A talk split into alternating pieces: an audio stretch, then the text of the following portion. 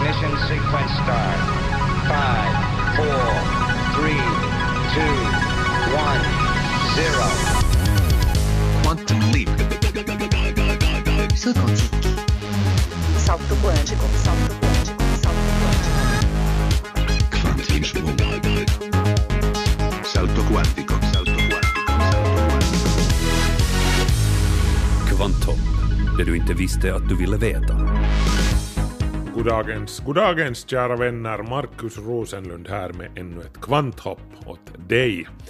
Välkommen till framtiden förresten. Ja, det är ju oktober 2015 just nu. Det vill säga det datum som Marty McFly, huvudpersonen i filmen Tillbaka till framtiden 2, reste till när han åkte till framtiden. Jag såg den här filmen på bio. Jag var 19 år gammal då när den, den här filmen kom ut och, och jag menar, hoho, 2015 det kändes superavlägset och, och jag trodde ju att jag skulle bo på månen eller åtminstone ha en sommarstuga på månen då eller någonting. Inte minns jag exakt vad jag tänkte men det kändes jätteavlägset. Och här är vi nu. Och inte kan man ju direkt säga att man känner igen sig i den bild av framtiden som regissören Robert Zemeckis och hans team målade upp 1989. Eh, vissa saker träffade filmen rätt med som bildtelefoner och plattskärms-tvn och sånt men så var det nog också vissa saker som inte slog in riktigt, noterar Oskar Koivumäki. En förutspåelse där Tsemekis och gänget verkligen inte slog huvudet på spiken var idén om faxsamhället där människor då skulle faxa varandra till höger och vänster år 2015. I filmen har man en fax i varje rum och US Post upprätthåller något som heter backfax. Lite som telefonkiosker fast med faxar då. Ulrika Fagerström har talat med Sari Östman vid Åbo universitet hon har undersökt hur en persons identitet påverkas av att hon eller han börjar dela med sig av sitt privatliv på nätet. Och en sak är säkert, vi har blivit mycket mer extroverta, vi finländare, i och med de sociala medierna. Sä voit kertoa elämästäsi verkossa, kun kaikki muutkin tekee niin, lainausmerkeissä kaikki muutkin tekee niin. Det har helt enkelt blivit mer accepterat att vädra sitt privatliv både i text och bilder, då inom citationstecken alla andra också gör det. Senare i programmet ska vi berätta det senaste om försöken att koppla upp vår hjärna, det vill säga få den att tala direkt med diverse elektronik genom små elektroder inuti själva huvudet ja, snart kan vi surfa på internet utan att använda datorer eller någonting, utan vi bara tänker på våra uppdateringar så är de där. Nå jo, men sådant har vi på kommande i veckans kvanthopp.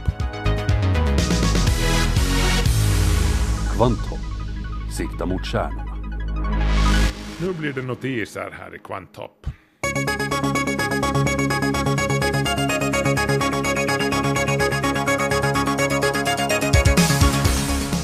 Skulle jag få en euro för varje ny dator eller mobilpryl som lovar revolutionera sättet som vi använder datorer så skulle jag kunna åka till Malediverna för ett par månader.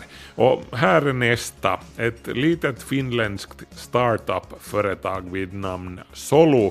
De skramlar som bäst ihop pengar på Kickstarter för att lansera sin nya dator, stor som en kortpacke ungefär, med hölje av trä.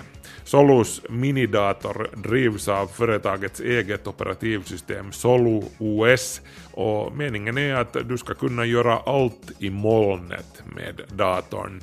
För en fast månatlig avgift får du som Solu-användare all lagring och alla appar som du behöver utan irriterande köp inuti appar eller reklam, lovar Solo på sin webbsida. Ja, no, det låter ju bra det här, speciellt om det stämmer att man ska kunna använda den offline också, alltså utan tillgång till webben. Men lätt kommer det inte att bli att övertyga utvecklare och kunder att satsa på ett litet och nischat format, speciellt som till exempel Microsofts nya Lumia-telefoner kommer att kunna göra precis samma sak, det vill säga du kan docka dem med en display och ett tangentbord och så funkar de som fullfjädrade desktop-datorer. Men hoppas att Solo lyckas, inte minst för att en dator av trä är ju en kul idé. Årets vetenskapare har utsetts, hon heter Mari K. Niemi, politisk doktor och specialforskare vid Åbo universitet, just nu gästande forskare vid Strathclyde-universitetet i Skottland. Årets vetenskapare utses alltså av Finlands forskarförbund och de motiverar sitt val med att Mari K. Niemi är ett ypperligt exempel på en modern forskare som inte är världsfrånvänd utan modigt deltar i den politiska debatten, bland annat genom Twitter och via sin blogg.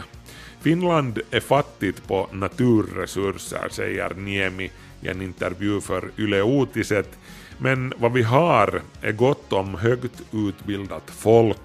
Vetenskap och utbildning är Finlands S i rocker men vår bästa konkurrensfördel på den globala marknaden och regeringens hårda nedskärningslinje inom just den sektorn förvånar Niemi stort. Hon är chockerad av den, enligt vad hon själv säger. Niemi vill nu uppmana alla sina kollegor att aktivt komma ut och berätta om sin forskning, eh, speciellt nu när nedskärningshotet hänger över universiteten. Också den stundvis mycket råa samhällsdebatten behöver forskarens röst som en lugnande faktor, menar Niemi. Det är en myt att vi moderna människor skulle sova för lite, säger amerikanska forskare i senaste numret av Current Biology. Forskarna ville testa påståendena om att artificiell belysning, TV och datorer etc. har rubbat på våra sömnvanor och förkortat vår genomsnittliga naturliga nattsömn jämfört med våra förfäders. Forskarteamet undersökte sömnvanorna hos naturfolk i Afrika och Sydamerika, jägare och nomader vars liv och vanor påminner om våra förfäders. 98 människor observerades i mer än tusen nätter och det visade sig att de i genomsnitt sov 6 timmar och 25 minuter per natt. Som jämförelse alltså, så sover genomsnittsamerikanen sju timmar per natt. Naturfolken som undersöktes tog inte heller några tupplurar och de var för det mesta utvilade efter sin nattsömn. De flesta av dem hade inte ens ett ord för sömnlöshet i sitt modersmål. Med andra ord så är vårt sömnbehov kanske inte så stort som vi tror åtminstone inte om vi lever någorlunda hälsosamt medan vi är vakna. För två år sedan berättade vi här i Kvanthopp om holländska forskare som hade tillrätt biffar helt och hållet av laboratorieodlat kött direkt från stamceller utan att köttet någonsin hade ingått i ett djur. Det är helt möjligt att odla kött på det här viset från stamceller, men det har hittills varit väldigt dyrt. Biffen som stektes den gången för två år sedan kostade mer än 200 000 euro att framställa, så det blev en dyr hamburgare. Men nu tror forskarna på Maastricht-universitetet att de är redo att börja tillverka laboratorieodlat kött i större skala. Inom fem år ska provrörsköttet finnas i butiken, säger en av forskarna åt BBC. Det handlar om exklusiva restauranger till en början, men så fort som konsumenterna inser att det här är ett mer etiskt alternativ till den nuvarande köttindustrin så tror forskarna att efterfrågan blir så stor att provrörsköttet också dyker upp i supermarketernas köttdiskar.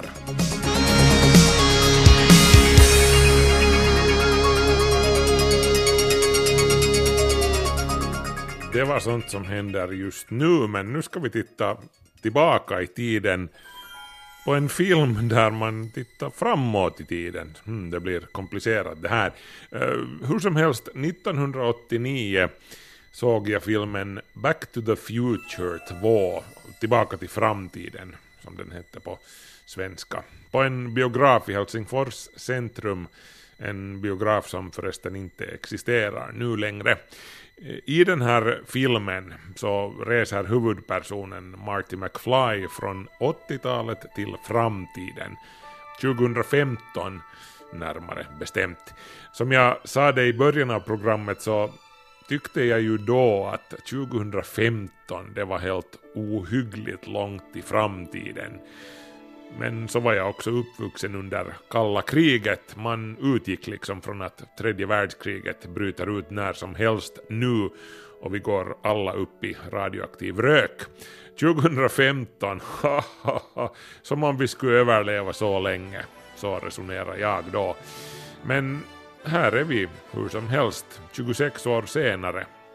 Jag funderar i morse på framtiden, alltså vår framtid. Hur ser världen ut år 2041?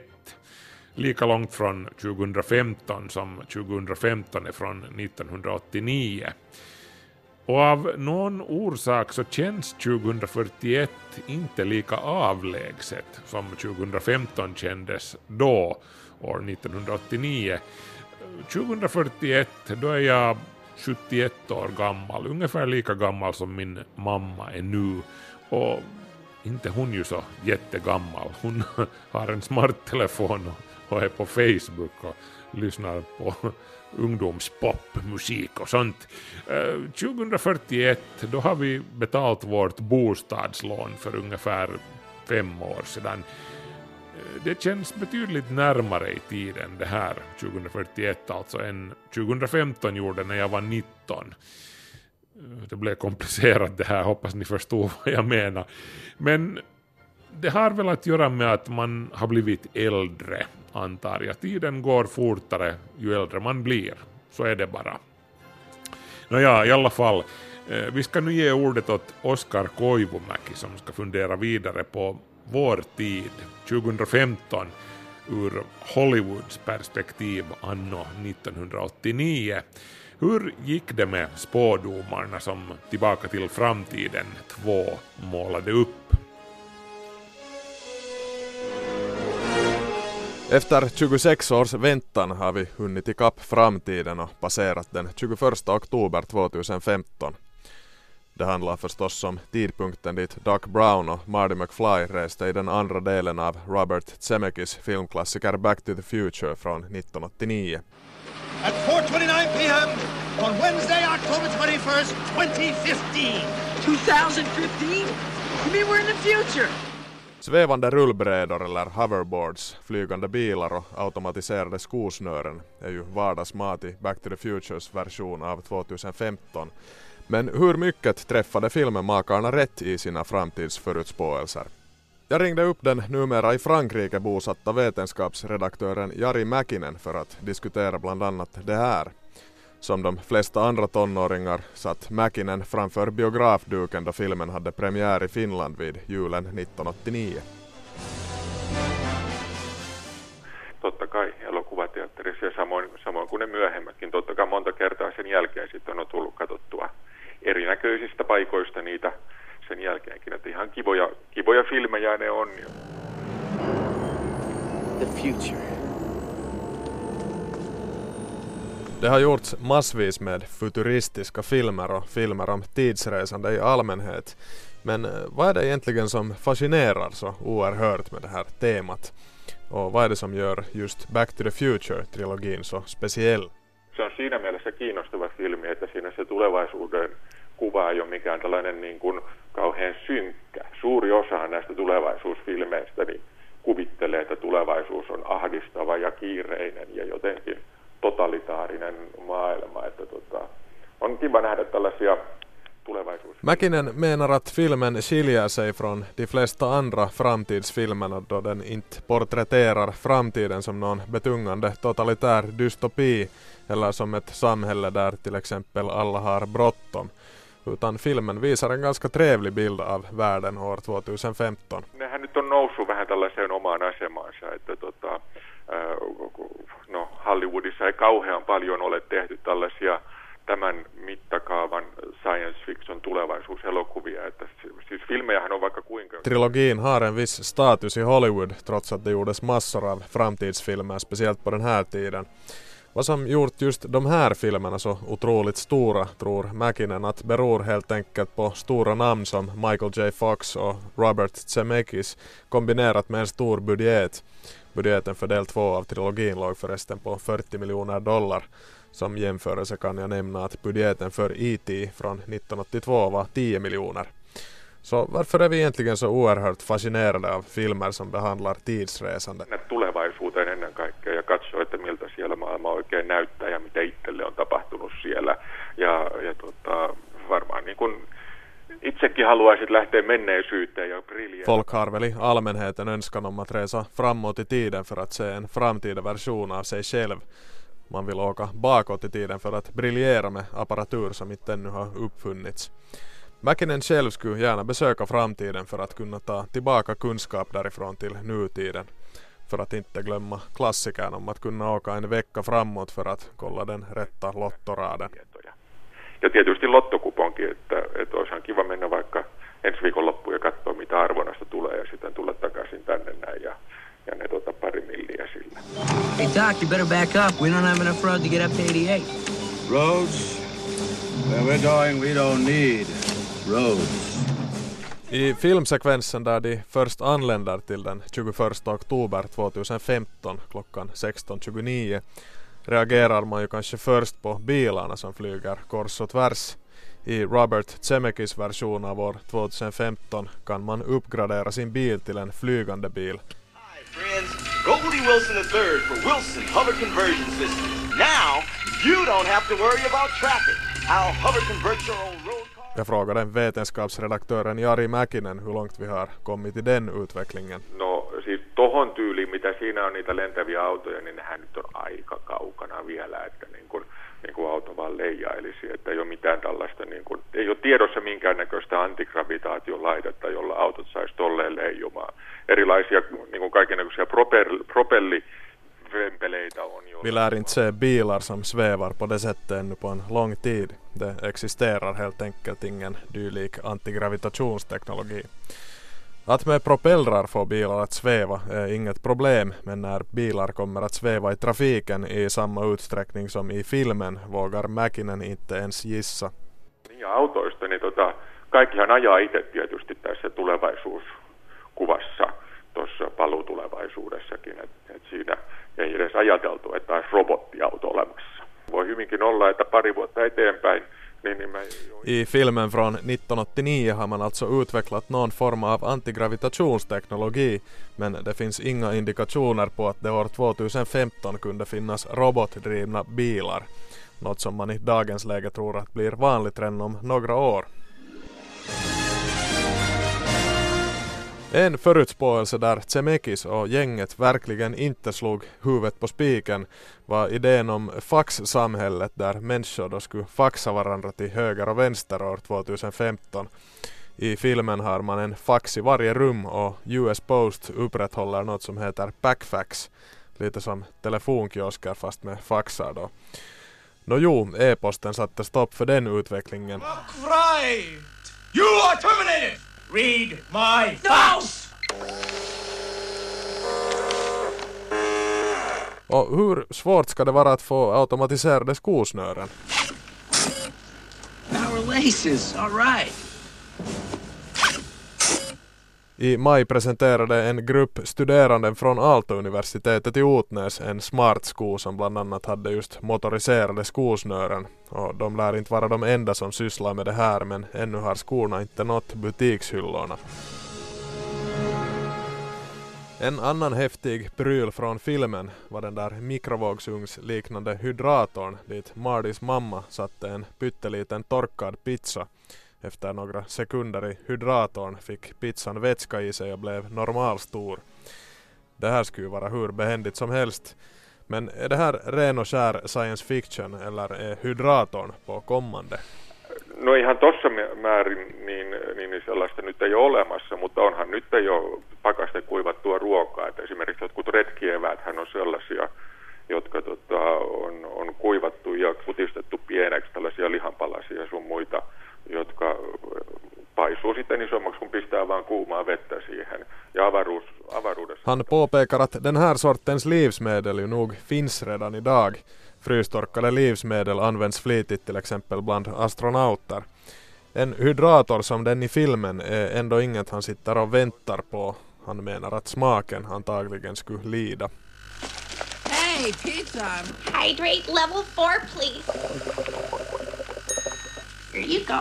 Oh boy, oh boy, Mom. You sure can hydrate a pizza. Med facit på hand kan vi ju konstatera att endast en bråkdel av filmmakarnas visioner för framtiden verkligen realiserades. En del grejer träffar de ju nog helt rätt på. Platta TV-skärmar till exempel har ju de flesta nu. Videosamtal är också skåpmat för år 2015 på samma sätt som fingeravtryck som identifikationshandling. Men trodde tonåringarna framför bioduken 1989 faktiskt att det 26 år senare var helt realistiskt med flygande bilar eller små smidiga fusionsreaktorer som man matar med hushållsavfall som den med märket Mr Fusion som professorn hade monterat fast på tidsmaskinen. Wait a minute, what are you doing, Doc? I need fuel. Go ahead, quick! En mä nyt oikein usko. Jos, jos katsotaan yleensäkin näitä tulevaisuuselokuvia, niin suuri osa niistähän nyt otetaan ihan pelkkänä viihteenä.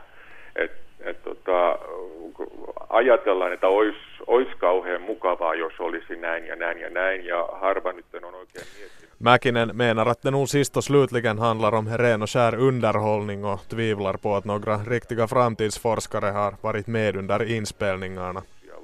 Se lähtee enempikin niistä niin kuin haluista ja toiveista, mitä ihmisillä on tulevaisuutta vasta kohtaan. Et, et useinhan se tulevaisuuskuva, joka elokuvissa tai yleensä science fictionissa on, niin se heijastaa enempi sitä aikaa, jossa itse ollaan silloin olemassa. Det handlar alltså mer om att spegla nutidens begär och önskan för framtiden än att verkligen försöka förutspå framtiden, tror vetenskapsredaktören Jari Mäkinen. Ajattelitko silloin, että, että voiko tämä olla totta? Enpä mä nyt, mitä mä nyt muistelen, niin en mä kyllä nyt ajatellut. Loppujen lopuksi silloinkin tajus, että sehän nyt on vaan, vaan 30 vuotta eteenpäin ja silloin oli kuitenkin vielä sen verran nuori, ettei niin kuin oikein ajatellut sitä, että mitä nyt todella voisi olla. Enpä mä nyt usko, että nyt sentään lentäviä autoja Han vill minnas att han nog ändå inte trodde på varken flygande bilar eller små kompakta fusionsreaktorer. Små hushållsrobotar och kläder som anpassar sig till användaren verkade mera rimligt. tuntui luonnollisemmilta. Ja niin kuin fuusioreaktori, niin kyllä silloin tietysti senkin tajusi, että se ei tommonen voi olla. Että kenties jonkinnäköisiä fuusioreaktoreita voi olla, mutta semmoinen, joka on pieni kokoinen ja johon heitetään vain roskaa sisälle ja joka toimii silleen, niin, niin jopa, jopa niin kuin pikkupoika tajusi, että ei se voi kyllä ihan noin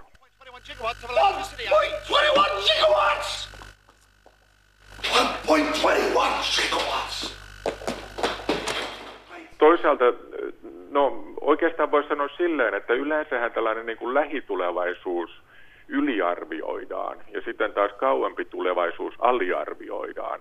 Et esimerkiksi tässä tulevaisuuden kuvassa, joka, joka tässä paluu tulevaisuuden kakkosessa, tulevaisuus kakkosessa oli, niin, niin siinähän ei ollut esimerkiksi tällaista asiaa kuin netti laisinkaan. Ja siinä luettiin vielä sanomalehtiä paperilta, jotka ei ollut edes tabloid-kokoisia, vaan sellaisia isoja, mitä oli 80-luvulla. Että voi olla, että, että niin kuin joku keksii... Vi brukar enligt Mäkinen ofta överskatta vår nära framtid och underskatta den mera avlägsna framtiden. Som exempel visar filmen inga tecken på internets framfart och man läser fortfarande nyheterna från stora papperstidningar. Samtidigt kunde vi inte ännu för några år sedan förutspå den autonoma bilen som inom en nära framtid kommer att finnas på våra vägar. Enligt samma teori menar Mäkinen att det är helt möjligt att någon om säg tre år presenterar en antigravitationsapparat. En ofrånkomlig fråga i det här sammanhanget är om vi någonsin kommer att kunna resa framåt eller bakåt i tiden. Tuohon niin kun on olemassa joitain teoreettisia ajatuksia siitä, että, että niin kun madon reikien ja mustien aukkojen kautta voitaisiin matkustaa ajasta ja paikasta toiseen, mutta kyllä mä jotenkin kallistuisin siihen, että oikeasti ihminen ei voi mennä tällaisten elokuvien tapaan. Det finns en hel del teorier om möjligheten att resa genom tid och rum, till exempel genom maskhål eller svarta hål. Jari Mäkinen tror i slutändan att människan inte kommer att kunna tidsresa som i science fiction-filmerna. Om det skulle vara möjligt att resa i tiden så borde vi ju rimligtvis ha turistgrupper på besök från framtiden. Jos se olisi mahdollista, niin, niin, niin vaikka sitä koitettaisiin rajoittaa jollain määräyksillä tulevaisuudessa, niin, niin siitä huolimatta niin aina silloin tällöin joku varmasti tulisi tänne ja siihen törmättäisi. Toinen vaihtoehto tietysti on se, että, että tota, aikamatkustus olisi mahdollista vain ajassa, jolloin aikakone on keksitty, mutta tota, sekin nyt menee aika lailla tällaisen niin kuin science fictionin puolelle, että et en mä nyt oikein usko siihen. Tulevaisuuteenhan voi mennä tietyssä määrin, määrin että kun lennetään hyvin suurella nopeudella, niin, silloin Att resa framåt i tiden är ju redan möjligt i praktiken om man färdas med riktigt hög hastighet. Enligt relativitetsteorin åldras till exempel astronauter som vistas i rymden riktigt lite snabbare än vi på jorden. Men det är ju en helt annan historia. Ja, den berömda tvillingparadoxen den får vi återkomma till senare. En astronaut som är ute och reser i väldigt höga hastigheter åldras de facto långsammare än vi här på jorden, sett ur vårt perspektiv. Alltså tiden ombord på astronautens supersnabba rymdskepp går helt konkret snabbare än tiden här på jorden, sett ur vårt perspektiv alltså. Så han eller hon, astronauten alltså, reser bokstavligen framåt i tiden. Men vi tar det en annan gång. Tack till Oskar Koivumäki för det inslaget. Kvanthopp snabela yle.fi Hör du till dem som publicerar saker om ditt liv på nätet, då är det här för dig. Sari Östman vid Åbo universitet har nämligen undersökt hur en persons identitet påverkas av att hon eller han börjar dela med sig av sitt privatliv på nätet. Avhandlingen går under namnet Millaisen päivityksen tästä sais, det vill säga ungefär hurdan uppdatering kan jag få av det här? Och baserar sig på ett 30-tal vuxna finländares upplevelser av att publicera sig på sociala medier. Ulrika Fagerström har träffat Sari Östman. Goddag alla. Mm, jag heter Sari Östman. Jag är en forskare av digital kultur eh, på Åbo universitetet. Och eh, jag publicerade min avhandling i augusti. Eh, det var om ett fenomen som jag eh, kallar levnadspublicering, eh, life publishing. Sari Östman talade om sin doktorsavhandling på ett seminarium om vardagsteknologi som Svenska litteratursällskapet arrangerade förra veckan. Jag träffade henne på tu man hand efteråt och frågade henne om det fanns någonting i doktorsavhandlingens resultat som överraskade henne själv. No yllätyksenä tuli oikeastaan se, että se vaikuttaa identiteettiin. Se oli jotakin, mitä mä en etsinyt. Se tuli matkan varrella esille, esille ja sitten siitä tuli se tärkein tutkimustulos. Det som överraskade var nog att levnadspubliceringen, elämäjulkaiseminen på finska, kom att förändra identiteten för de enskilda personerna, säger Sari. Men vi börjar med att backa i historien. Det var då Saris kompis flyttade utomlands för sådär tio år sedan och meddelade att hon inte kommer att skriva brev utan lägga all information i en blogg, som Sari för första gången blev genuint intresserad av bloggar. Hon märkte snabbt att det här är ju en stor grej världen över och började också själv blogga. Då hon sen studerade digital kultur vid Åbo universitet och funderade på graduämne, då föll det sig naturligt att satsa på det här. Och nu har Sari precis doktorerat med avhandlingen Millaisen päivityksen tästä sais, det vill säga ungefär hurdan uppdatering kan jag få av det här.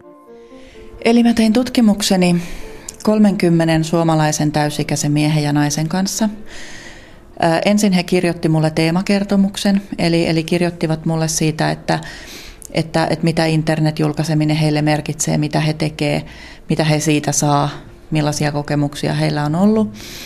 Ja nämä samat 30 ihmistä antavat mulle lisäksi käyttöön omia verkkojulkaisujaan. He itse määritteli, mitä he Sari samlade ihop 30 vuxna finländare, bad dem skriva ner sina erfarenheter av att publicera sig privat på nätet och intervjuade 19 av dem under åren 2009 och 2010. Personerna lovade henne tillgång till alla sina sajter där de publicerade sig och Sari följde med dem fram till slutet av år 2014. Vissa hann under den här tiden byta ställen där de publicerade sig, men antalet ställen höll sig hela tiden kring 70 stycken. På basen av personernas publikationer och intervjuerna med dem drog hon sen sina slutsatser. Eli että ensin, ensin on tällainen harjoitteluvaihe ja sitten on vähän syvene, syvemmän omaksumisen vaihe, jolloin opitaan, opitaan tämän julkaisemisen normit ja säännöt, tavat, se kulttuuri. Ja sitten tulee kolmas syvä omaksumisen vaihe, jolloin se sisäistetään se toiminta ihan osaksi omaa identiteettiä. Den som skriver om sig och sitt liv på nätet genomgår vanligtvis tre faser, säger Sari Östman. Först kommer träningsfasen, då man lär sig hur det går till och är lite försiktig. Den andra fördjupande fasen innebär att man lär sig kulturen för hur man uttrycker sig i de här sammanhangen. Och den tredje och sista fasen är då man tagit till sig publiceringen som en del av identiteten och någonting som man ständigt lever med, mer eller mindre medvetet. Och det är i den här sista fasen förändringen äger rum då nätpubliceringen har börjat påverka den egna identiteten, säger Sari. Sitten kun tämä elämänjulkaisijana oleminen sisäistetään ihan sinne identiteetin tasolle asti, niin me aletaan osin tiedostamatta ajatella meidän elämänsä julkaisemisen kautta tietyissä tilanteissa, tai oikeastaan, no, varmaan vähän kaikissakin tilanteissa. I den tredje och sista fasen integreras nätpubliceringen i vardagen. Personen funderar på hur det mesta i livet skulle se ut som en uppdatering i den egna nätpublikationen. När det gäller gränserna för vad de undersökta personerna ville berätta och vad inte, så visade det sig att de stora linjerna var ungefär desamma. Saker som allvarliga sjukdomar, relationskriser eller arbetslöshet var sånt som många tyckte att de inte ville lägga ut på nätet. Samtidigt visade det sig att den här gränsen efterhand flyttades framåt. Et sitten kun niitä kriisejä tuli, niin niistä saatettiin sitten kuitenkin ää, jollakin tavalla harkitusti julkaista jotain. Et, et jos oli oikein, oikein surullinen, oikein paha mieli, oikein, oikein hirveä kriisi elämässä, niin sitten he vaan koki tarpeelliseksi kuitenkin avata sen siellä elämänjulkaisussa. Sen då kriserna kom var det trots allt ändå många som skrev om dem på sociala medier. Samma tendens fanns för nyckelfrågan barnens bilder på nätet. Esimerkiksi yksi tutkittava sanoi, että hän ei sitten ainakaan koskaan Facebookissa julkaise lastensa ja vaimonsa kuvia.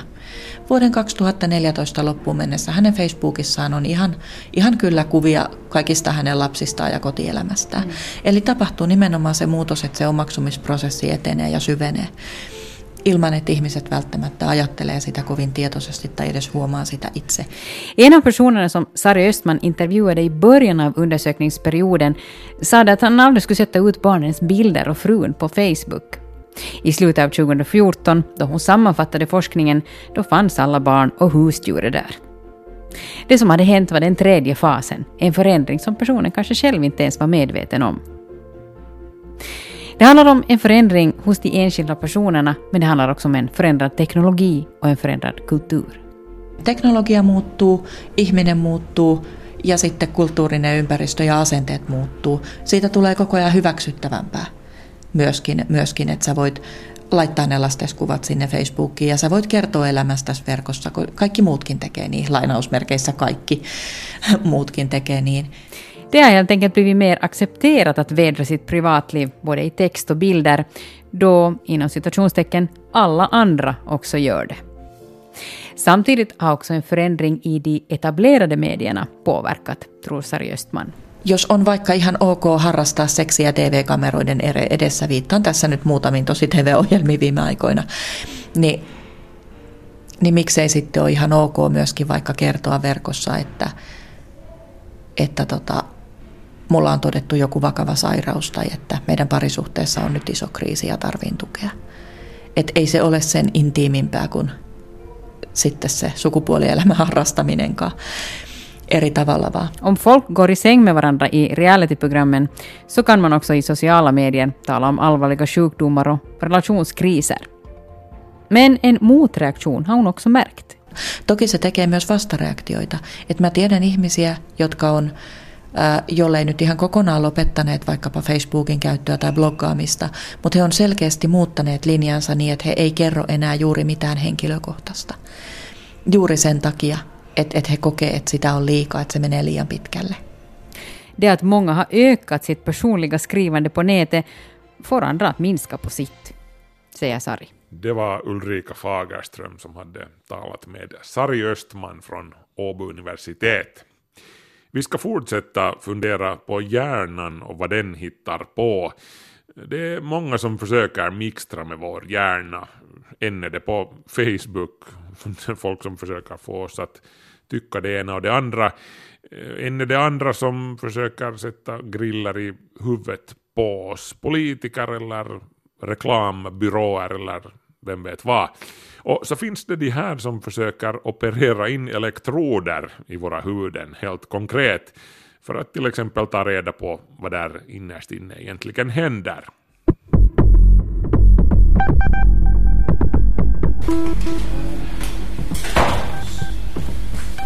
Is this something you have built yourself?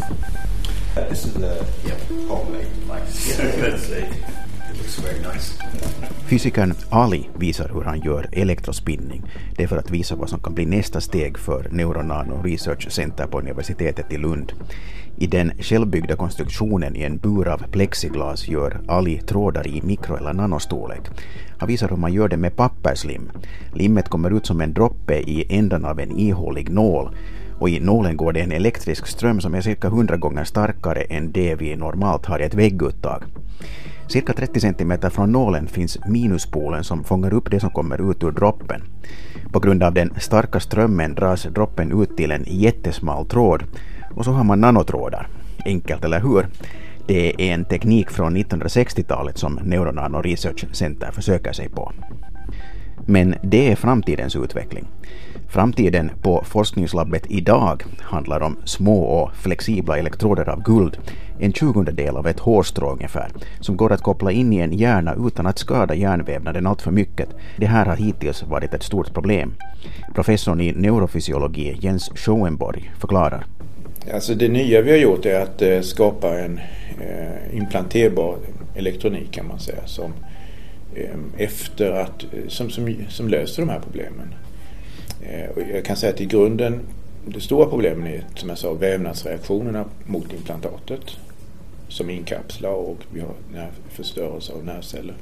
Det andra problemet, särskilt forskningssidan, är ju att registreringar av nervceller blir sämre över tiden. Och det hänger ihop, de här två sakerna. Um, Varför blir det sämre? Därför att du får den här kapselbildningen, du får den här förlusten av nervceller helt enkelt. Det är det värsta. Så att säga. Det, det är helt enkelt inte normal nervvävnad precis där du har din sensor längre.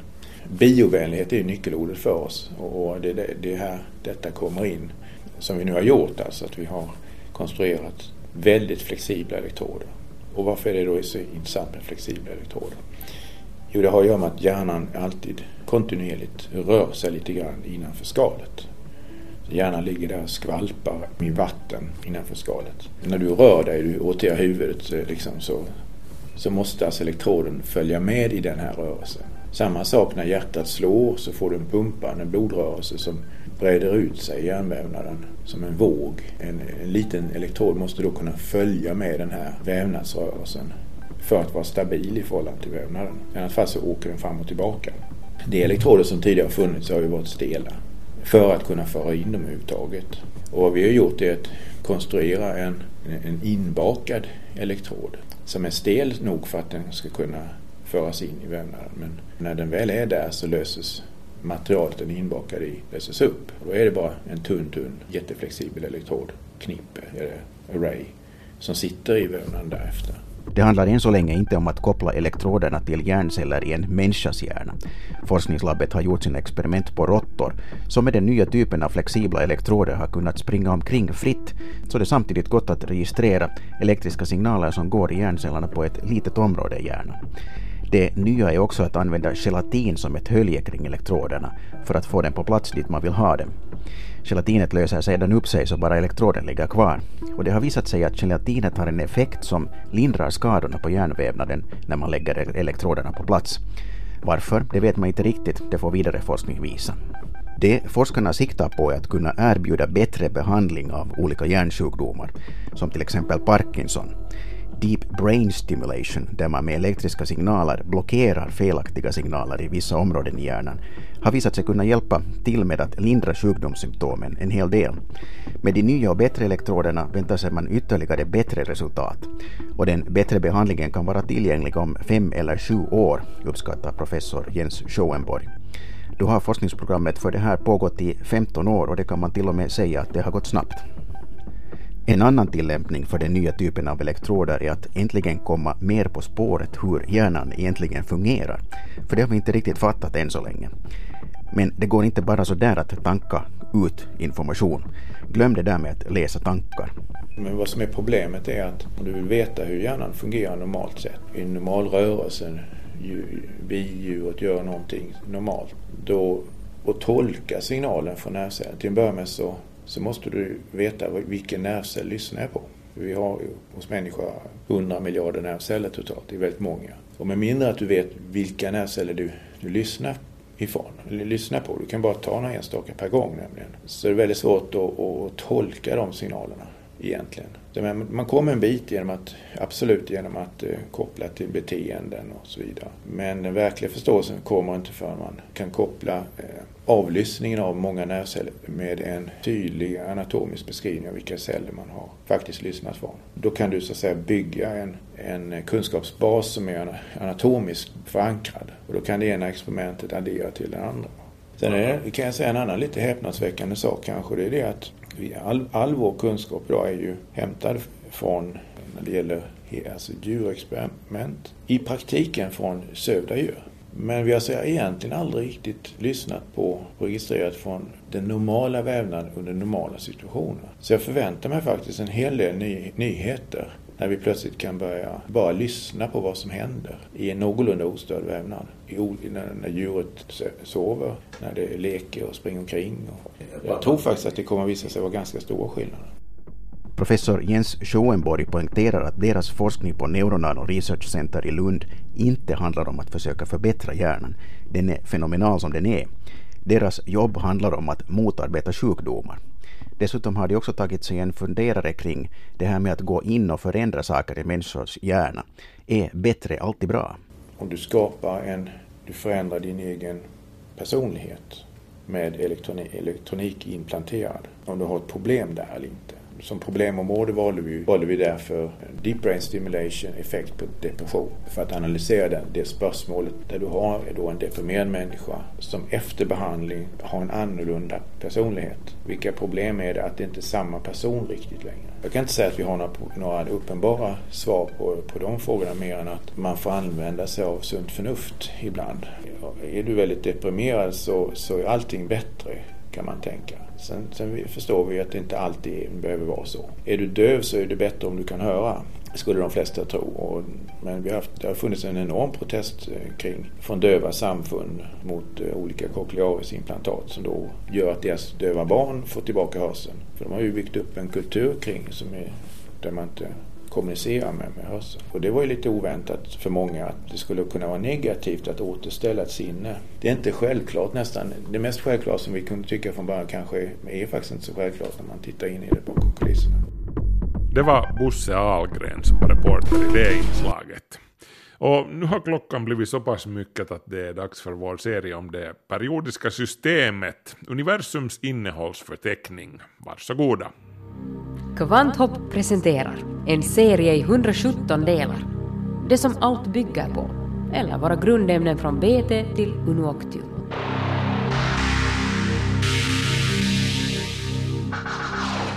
Atomnummer 111, röntgenium, kemiskt tecken RG. Du kan tänka på det här grundämnet som ett slags superguld. Det hör till samma grupp som guld i den periodiska tabellen, grupp 11. Samma grupp där också silver och koppar ingår. Röntgenium är alltså en ädelmetall. Eller låt oss säga att röntgenium skulle vara en ädelmetall om någon någonsin skulle lyckas framställa tillräckligt av den för att man skulle kunna studera grundämnet på allvar. Grundämnen med så här höga atomnummer är ju som vi vet oerhört instabila och existerar överhuvudtaget inte i naturen utan måste tillverkas i laboratoriet med hjälp av partikelacceleratorer och också då faller de sönder nästan omedelbart som man har tillverkat dem. Med andra ord, de är extremt radioaktiva. Den stabilaste kända isotopen, röntgenium 282, har en halveringstid på strax över två minuter. Men om du skulle lyckas tillverka tillräckligt mycket röntgenium för att få en riktig fysisk klimp så skulle den sannolikt påminna om guld och ha liknande kemiska egenskaper. Fast till färgen skulle röntgenium antagligen likna silver mer än guld faktiskt. Din röntgeniumklimp skulle alltså vara väldigt tung, ännu tyngre än guld som ju också väger en hel del. Enligt beräkningar om saken så har röntgenium en densitet på omkring 28,7 gram per kubikcentimeter. Osmium, grundämnet med den största densiteten av de inom citat vanliga naturligt förekommande grundämnena väger 22,61 gram per kubikcentimeter. Så röntgenium skulle vara klart tyngre än både osmium och guld. Guld är ju som bekant en relativt mjuk och smidbar metall och röntgenium skulle faktiskt sannolikt vara ännu mjukare. Men om du nu tänker att jaha, eh, då skulle man ju kunna smida en riktigt exklusiv förlovningsring att plocka fram ur fickan när det är dags att fria. Det är ju som guld det här fast ännu finare. Men det är nog inte en särskilt god idé det där, för att röntgenium är så instabilt. Ringen skulle sannolikt ha gått upp i rök, eller snarare i strålning, långt innan du hinner överlämna den åt henne eller honom. Och inte skulle du ju väl vilja orsaka allvarliga strålskador på din älskades ringfinger heller, antar jag. Hoppas jag. Hur som helst så var det våra gamla bekanta på GSI-institutet i Darmstadt som först tillverkade röntgenium i december 1994. Innan grundämne 111 fick sitt slutgiltiga namn så borde det i princip ha gått under det traditionella latinska arbetsnamnet, siffrorna i atomnumret på latin, men det låter ju bara för dumt det här ett, ett etium, det vill säga unununium. Så de flesta talade bara om grundämne 111 eller 111 helt enkelt. Namnet röntgenium kommer ju naturligtvis från den tyska fysikern Wilhelm Konrad Röntgen, mannen som upptäckte röntgenstrålningen. Han var också den första som fick Nobelpriset i fysik.